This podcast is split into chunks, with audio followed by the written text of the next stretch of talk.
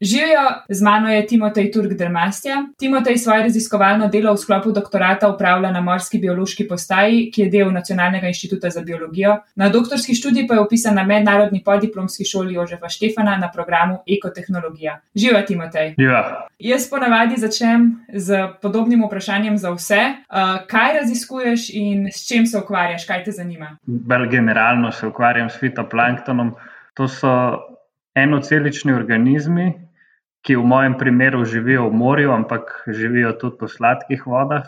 Um, pravimo jim tudi mikroalge, ker so to fotosintetski organizmi, se pravi, uh, uporabljajo sončevo energijo za proizvodno lastne hrane. Bolj specifično se pa ukvarjam z enimi uh, mikroalgami iz rodu pseudoničja, ki so predstavnice kremenastih alg oziroma diatomej, te alge imajo hišice iz silikata in tvorijo take zanimive strukture. Bova še kaj več povedala o algah malo kasneje in o vseh teh, uh, o vsem tem fitoplanktonu. Uh, kako, kaj pa te je sploh vodilo na to področje? Ne vem, kako bi se sploh imenovalo, je to morska biologija, verjetno. Uh, kako si se znašel tam? Si že prej študiral biologijo, te je že odvedno zanimala prav morska biologija? Ja, področje se mi je odprlo bolj ali manj po naključju. Jaz sicer sem biolog po osnovni izobrazbi in potem sem po diplomi šel na Škotsko, kjer sem študiral um, upravljanje z morskimi viri na Univerzi St. Andrews, uh, kjer sem se spoznal z zelo različnimi področji raziskav morja, med katerimi so seveda zelo pomembne pač tudi raziskave morske biologije. In potem, ko sem končeval študij, je bilo na Morski biološki postaji Nacionalnega inštituta za biologijo razpisano mesto mladega raziskovalca, ki bi preučeval cvetenja škodljivih alg. Jaz sem v tekom študija na škotskem spoznal to problematiko. Gre za pač množično pojavljanje določenih vrst fitoplanktona, ki ima v svojem biomolekularnem arzenalu tudi neke toksine, ki se predvsem prek vektorskih organizmov, to so školke ali ribe ali tudi kakšne druge organizmi, morski, nevretenčarski, prenašajo po prehranjevalni verigi do višjih sesalcev, tudi človeka, in so zaradi tega lahko zelo nevarne. No, in takrat sem pač jaz končeval magisterij in se mi zdela to odlična priložnost, nekako naravno uh, nadaljevanje moje karierne poti. Predvsem pa bi se vrnil iz Škotske domov in imel službo, kar je bil takrat uh, velik faktor, da sem se za to odločil. Nisem pa zares prav veliko vedel, s čim se bom ukvarjal in, in kako. Ok, zdaj pa že, zdaj si že počasi proti koncu doktorata, ne, ali kako? Ja. Zdaj že kar dobro veš, čim si se zadnjih nekaj let ukvarjal in kaj si v bistvu raziskoval, prav, kaj, kaj, kaj, kaj te je zanimalo, kaj, kakšna so bila tvoja raziskovalna vprašanja? Ja, jaz sem pač kot biologa, me je vedno najbolj fascinirala evolucija, naravna selekcija in pač pestro življenje. In zato sem pač tudi ta svoja zanimanja in te interese probo prenesti v svoj doktorat. In uh, ker so mikroalge, s katerimi se ukvarjam zdaj že več kot štiri leta, um, pod mikroskopom so si doskrat zelo podobne, uh, je ena rešitev, kako pač se to raziskuje, kako jih ločimo med sabo, je, da se pač poslužujemo genetskih metod. In to je bila takrat nekako vodilo in zato sem zelo zagrabil. Tako da smo potem najprej uh, iz morja izolirali določene celice, se pravi celice teh uh, diatomej iz rodu pseudoničja, ki smo jih vzgojili v monokulturah, oziroma pač samih, sem v glavnem mestu delu. Tako da smo lahko potem iz teh monokultur dobili DNA. Uh, in pa seveda tudi veliko materijala, da, ga, da sem ga lahko pod uh, mikroskopi, tako svetlobnimi kot elektronskimi, preučeval. Na podlagi teh markerskih genov za taksonomijo smo pa potem, oziroma sem določil, kje vrste teh potencijalno toksičnih alg uh, pri nas živijo, ker se to ni vedelo. Zdaj, te dietomeje proizvajajo toksin domojska kislina, ki se kopiči v školkah in lahko povzroči zelo resne nevrološke motnje, v skrajnih primerih tudi smrt. Ampak na srečo pač se ta toksin v našem morju ne pojavlja v takšnih količinah, da bi bil zdaj res nevaren. So pa območja na svetu, kjer se, predvsem pa je tudi lahko zelo nevaren za prehranjevalno verigo, predvsem kakšne morske sesalce ali pa želve, ki se s takimi školkami, oziroma tudi raki, uh, ki te alge zaužijejo. Eh, prehranjujejo. Uh, torej, omenil si, da so lahko nevarni ti toksini, imajo nevrološke posledice, to si mislil predvsem na ljudeh, potem, oziroma potem si omenil tudi prehranjevalno verigo ne, v morju, tudi za druge živali. Sem prav razumela? Ja, ja uh, vsekakor. Ne, ta toksin nima nekega dokazanega oblika na, uh, vpliva na recimo školke ali pa rake, ampak uh, tam se samo pač akumulira, ker so to filtratori in lahko pač veliko vode prefiltrirajo in se ta uh, toksin v njih akumulira. Zdaj, pa, pa če mi te školke zaužijemo, pa lahko pride ja, do zastrupitve, predvsem vretenčarskih organizmov. Tako da do veliko recimo teh um, nasedlih, kakiti nasedajo, pa delfini nasedajo na obale. Eh, povezujejo z zastrupitvijo s tem toksinom, zaradi tega, ker jim zmede orientacijo in tudi povzroča določene iz, izgubo spomina in take stvari. Zato se zastrupitvi s tem toksinom reče amnezična zastrupitev s školkami, ne, ker je en simptom možen tudi amnezija. Tako da doskrat so v teh kitih in nasedlih živalih najdel uh, kar visoke koncentracije tega toksina v njihovi krvi in predvsem možganih, no tam pač se pride do aktivnosti. Uh -huh. okay, omenil si, da greste vi po ta fitoplankton oziroma te alge na brt na morje. Kako to zgleda? Verjetno ne z mrežami, kot recimo loviš ribe, imate nekaj drugo, nek, kakšno drugačno urodje za to. Ja, v bistvu sta dva pristopa. No, en je dejansko z mrežami, le da so pač te mreže imajo lukne, so zelo mehke.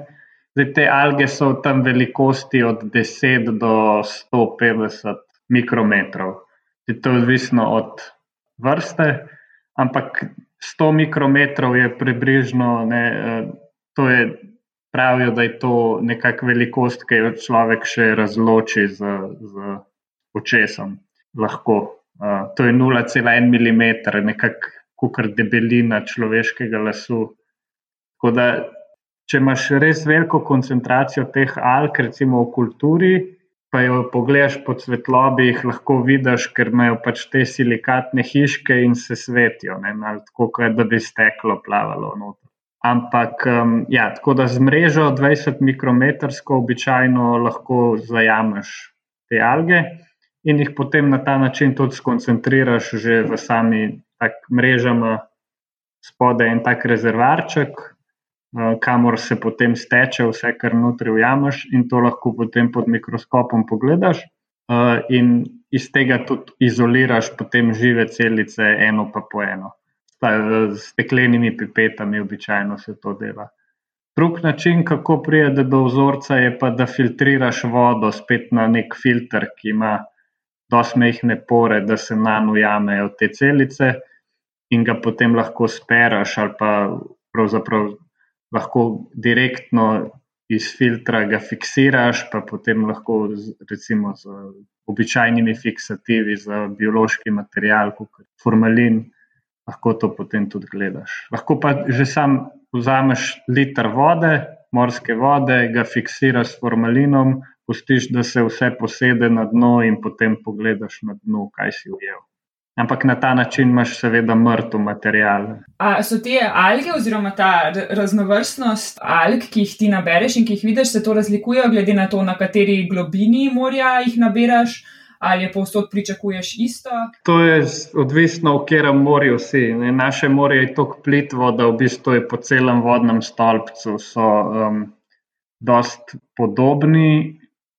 Recimo ta fitoplanktonska združba ni pa to, seveda, čisto res. Ne. Vedno v morju so tokovi, fitoplankton nima možnosti, da se sam premika, tako da je pač v celoti odvisen od tokov in od tudi vertikalnega premikanja vodnega stolpca. Ampak ja, pri nas običajno se te alge najde na vseh globinah, zdaj v oceanih ali pa v globih morjih je pa seveda ta stvar čist drugačna, ker fitoplankton uspeva tam, kjer je sončna svetloba, ta pa je uh, odvisno spet v katerem morju. No, v oceanih, ki imajo zelo malo hranil in je pač ta abundanca celic zelo mehna, je to lahko tam do maksimalno 200 metrov, da se pojavljajo globine.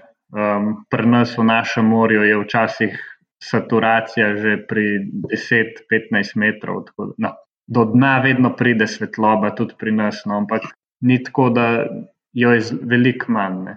Uh, obaljna morja so veliko bolj produktivna, je veliko več hranil in svetloba pride, ne pride tako globoko, ker je preveč materijala v samem morju. Potem, ko nabereš te, uh, ta fitoplankton in te vzorce, pa pride na vrsto ali mikroskopija, če sem prav razumela, ali pa v bistvu potem genetsko določanje različnih vrst sklepa. Ja, to je bil v bistvu ta prvi del mojega projekta, je bil točno to. Se pravi neka integrativna taksonomija in ovrednotenje, kje in ob katerem letnem času se pojavljajo določene vrste. Ker z svetlobnim mikroskopom, niti z elektronskim, pogosto pač ne moremo določiti vrst, kar je pa v tem primeru zelo pomembno, ker niso vse vrste toksične. Ne. Tako da je treba ugotoviti najprej, kje so in kdaj se pojavljajo. In zato je pač edini način, da dobiš genetski material in ga in ugotoviš, kera vrsta je prisotna na podlagi seveda referenčnih baz. Tako da to je bil prvi del projekta, ki je tudi že objavljen v enem kar dobrem članku. Potem sem se pa jaz osredotočil še na veliko enih drugih aspektov teh alg, ker seveda ni samo to, kaj je, ampak je važno tudi, kaj počnejo. In predvsem v sklopu našega programa raziskovalnega na morski biološki postaji tudi kako jih odkrijemo. Zaradi tega, ker te postopki, ki jih zdaj smo opisali, so sicer dosti enostavni, ampak so pa zelo zamudni. Ker preden ti dobiš vzorc, pa da nagojiš algo, pa da dobiš DNA, pa da dobiš sekvence, pa da vse določiš, res precej traje. In če moraš ti imeti eno um, hitro informacijo, kaj se v morju dogaja, je to čist neprimeren postopek. Tako da jaz sem se potem osredotočil še na, um, v povezavi z enim francoskim podjetjem, ki se imenuje Microbia Environment. Smo uh, razvijali senzor, molekularni senzor, s katerim bi na zelo hiter in poceni in preprost način ugotovimo, kakšno je stanje populacije v določenem vzorcu. Tako da lahko v bistvu v parih urah dobimo odgovor, kaj se v morju dogaja. Ker z temi standardnimi metodami, recimo mikroskopije, je najmanj dva dni. Zaradi tega, ker ti lahko sicer pogledaš vzorec takoj, ko pride iz ladje, ampak um, standard je, da se ga fiksira, da se prešteje celice in zato rabiš fiksativ, ker traja se pravi mora pač ozorc najmanj dva dni stati in potem še par ur za preštet pod mikroskopom. Tako da s to našo metodo, ki je v zadnjih fazah razvoja, je to veliko hitreje. Sicer pridejo seveda drugi problemi, ker ni tako zanesljiva. Odvisna je od določenih molekularnih sond, ki jih uporabljaš za detekcijo teh alg, ki pač niso tako specifične, kot bi si želeli. Tako da so dodatni problemi, ampak za neko tako um, osnovno sliko je um, veliko hitrejša in boljša ta metoda. Zdaj si v bistvu že pojasnil dve, v bistvu prvi del doktorata, drugi, ki zveni bolj aplikativen. In me v bistvu zanima, um, zakaj je sploh pomembno spremljati, kaj se dogaja v morju in razumeti to. Morje je pač tako, kot vsak biološki oziroma okoljski sistem, ni statično. In vemo, da um, prej sem rekel, da v našem morju, oziroma niti v Jadranu, recimo, ni težav s tem toksinom. Um, so, so pa druge alge, ki povzročajo določene težave, tudi školk, industriji školk in tako dalje, ker pač sicer so drugi toksini, niso tako nevarni in gre v bistvu za to, da nekako na podlagi enega modela, ki sem si ga jaz zbral, to je pseudonicija, um, probamo ugotoviti, na kakšen način lahko te uh, pojave bolj uh, spremljamo na boljši, bolj učinkovit način. Po drugi strani pa vemo, da se pač morje spremenja, ladijski promet je vedno, vedno več ga je. Um, tudi podnebne spremembe, seveda, so tukaj faktor.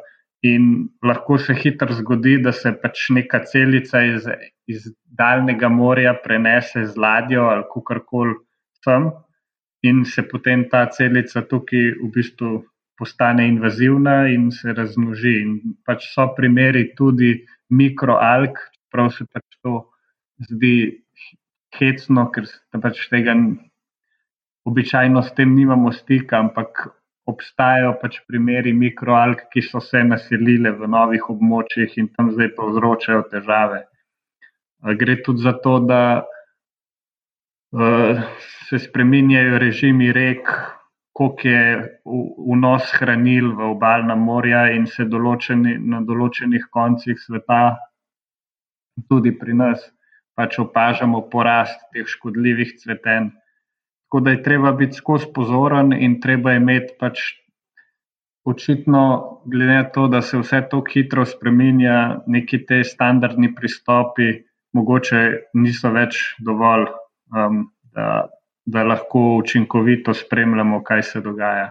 Fitoplankton je na vse zadnje zelo, zelo pomemben del celega globalnega klimatskega sistema, ker po nekaterih sicer malo starejših izračunih, ampak v resnici noben, nobena nova analiza tega še ni spodbila, je, da je odgovoren za polovico vsega ponora CO2 in hkrati proizvodne kisika. Um, ker sicer ni nič presenetljivega, zaradi tega, ker morje pokriva 70 odstotkov vsega planeta in kljub temu, da so te organizmi tako mehki, jih je tako velik, da enostavno pač proizvedejo toliko kisika, kot vsa drevesa in kopenske rastline.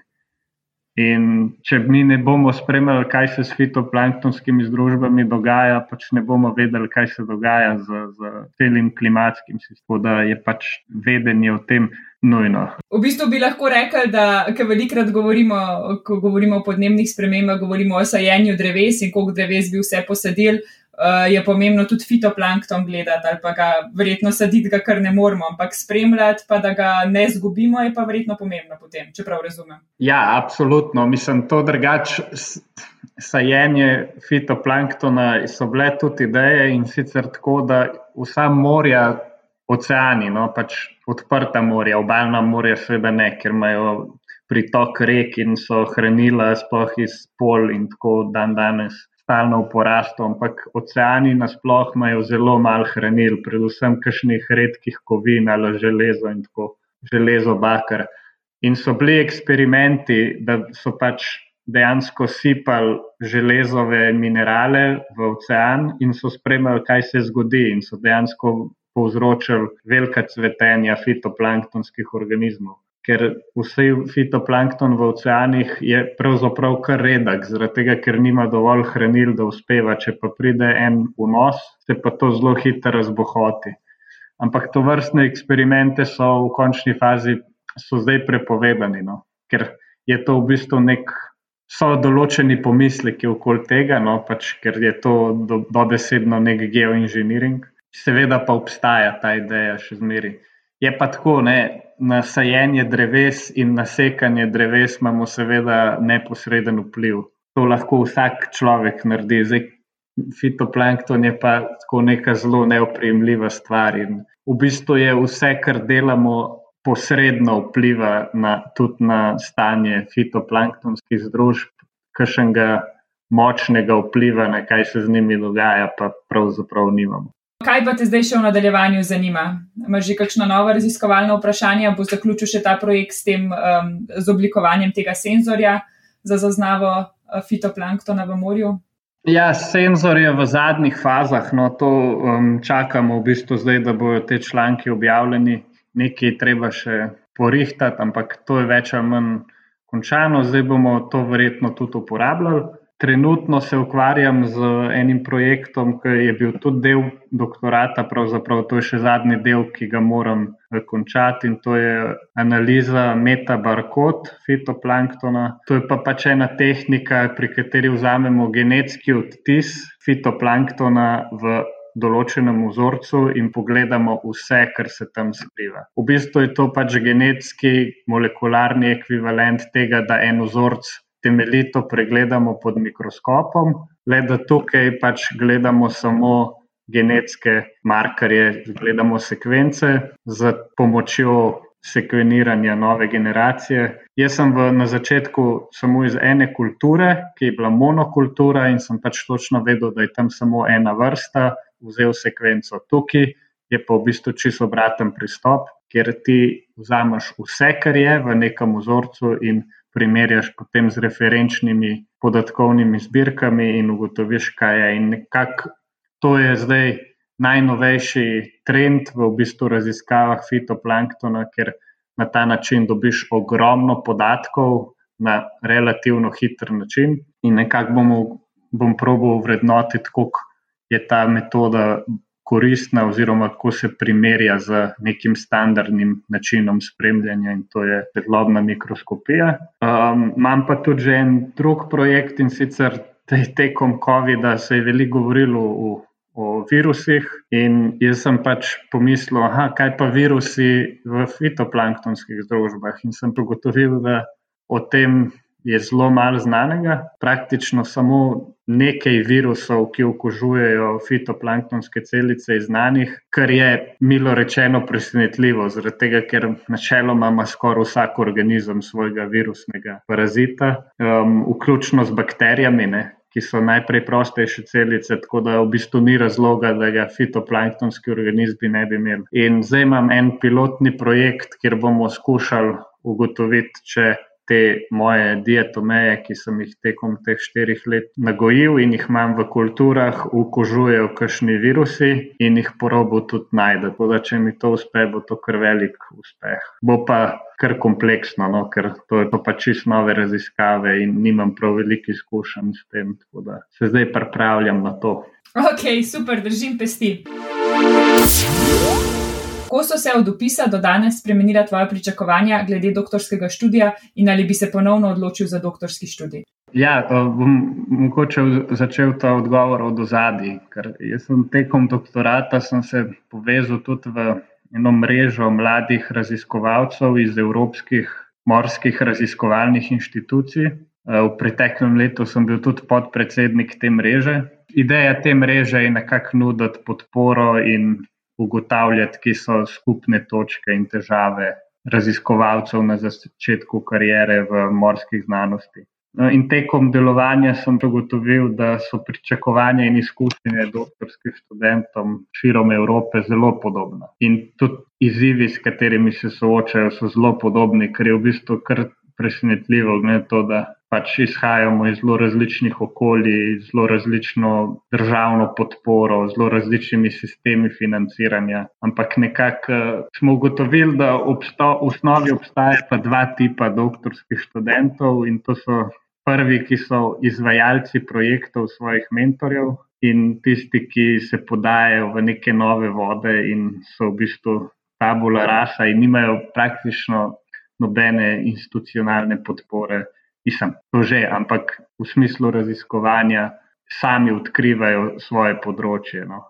In jaz se nekako se uvrščam v to kategorijo, ker mi je na začetku povzročal ogromno enih težav in, in stresa, ker in občasno jim jih povzroča še zmeri. In sem se pač skozi. Oh, na začetku preizpraševal, da je bila to zdaj prava odločitev, bi raje delo kaj drugega. Ampak pol tekom leta ugotoviš, da je absolutna prednost tega pristopa, da se veliko več naučiš, predvsem iz napak. In naučiš se prevzemati neko odgovornost in samostojnost. Tako da, ja, jaz bi se za doktorat še kakor še enkrat odločil, ampak mogoče bi predlagal, kdo o tem premišlja, pa ni čisto sigurno, da si, da si vzame še kakšno leto več za razmislek. Ker jaz sem bil z magisterija vržen dobesedno noter v ta sistem raziskovanja, ki mi je bil čist nepoznan. In to je bil res šok. Uno prvo leto je bilo težko, ampak sej ne vem, verjetno je za vse tako. Ampak danes mi ni žal za to odločitev. No, sem se ogromno naučil tekom raziskovanja in sem hvaležen mentorci in vsem, ki so me ob tem podpirali, čeprav je bilo in pa če še vedno težko včasih. Če bi imel priliko iti na kavo s predsednikom vlade, kaj bi mu predlagal, da izboljša na področju znanosti? Ne. To bi bila ena grozna kava. Ampak ne vem, jaz mislim, da bi mogla biti znanost temelj vseh političnih odločitev.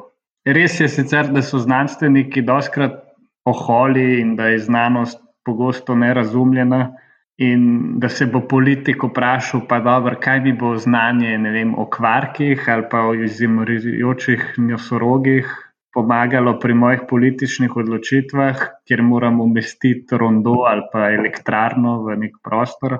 Ampak jaz bi pač rekel, da je odgovor v tem, da je osnova za neke dobre odločitve politične in tudi spoštovanje znanosti v tem, da si pač priznaš nevednost. In to je itak glavna stvar, po mojem, ki jo kot raziskovalec spoznaš in usvojiš, je to, da si upaš reči ne vem in da si to priznaš. In da te to potem vodi pri nadaljnih uh, odločitvah, ker politika vedno daje vtis nekega vsevedenja in odločnosti, in, če, in nevednost je razumljena kot šibkost.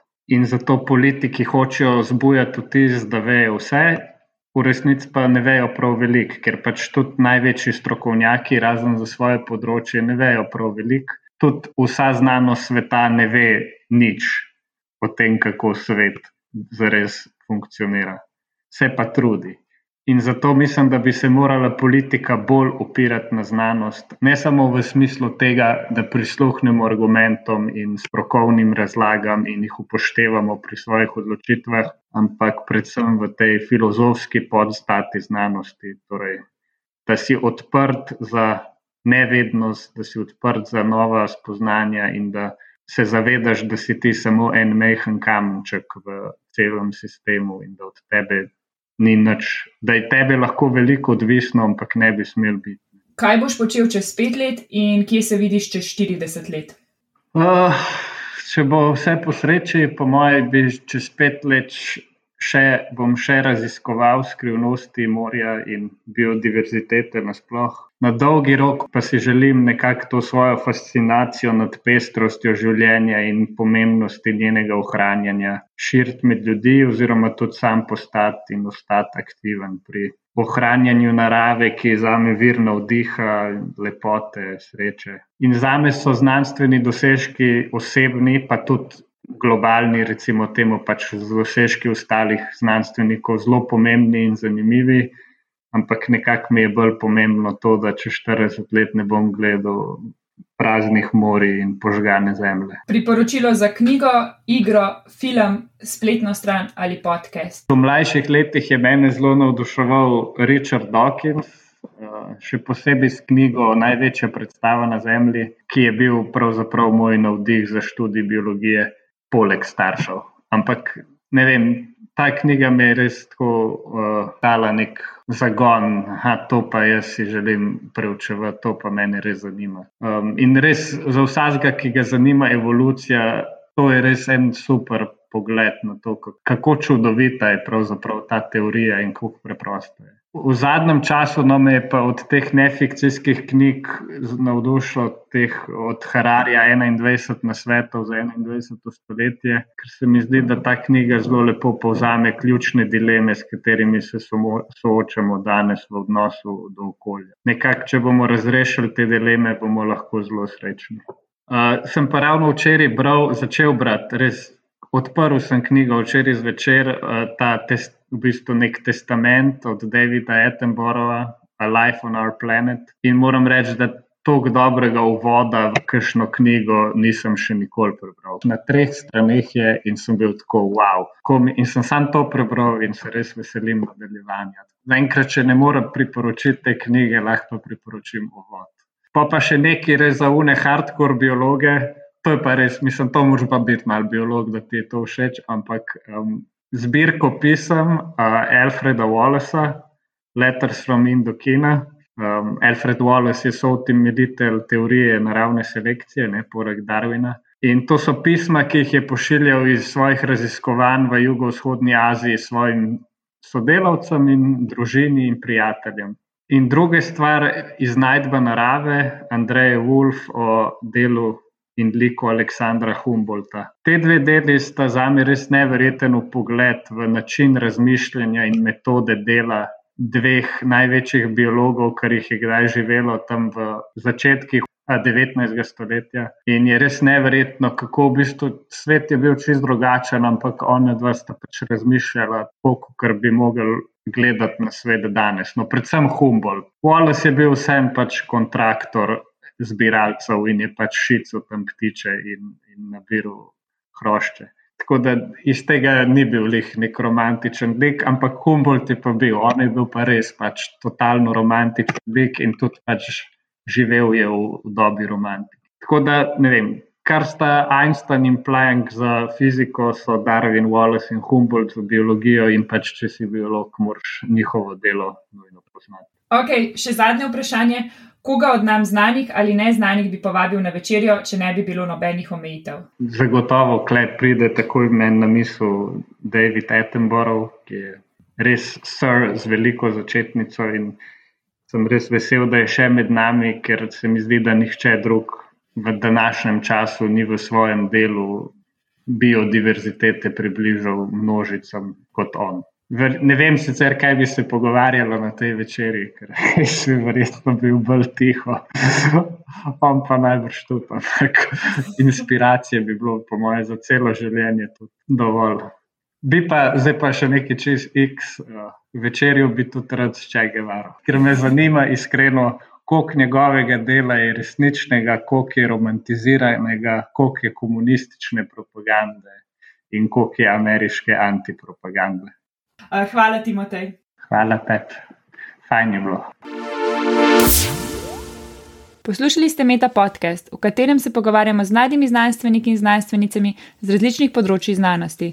Podcast domuje na spletišču metinalista.si, kjer najdete tudi druge zanimive znanstvene vsebine. Naše delo lahko podprete z donacijo Metini listi, pohvale, pripombe in predloge lahko posredujete po e-mailu znanost.afna.metinalista.si. Dobrodošli so tudi komentarji na Facebook profilu Metina Liste in na Twitterju Afna Metina Lista, kjer uporabite hashtag MetaPodcast. Se slišimo čez 14 dni.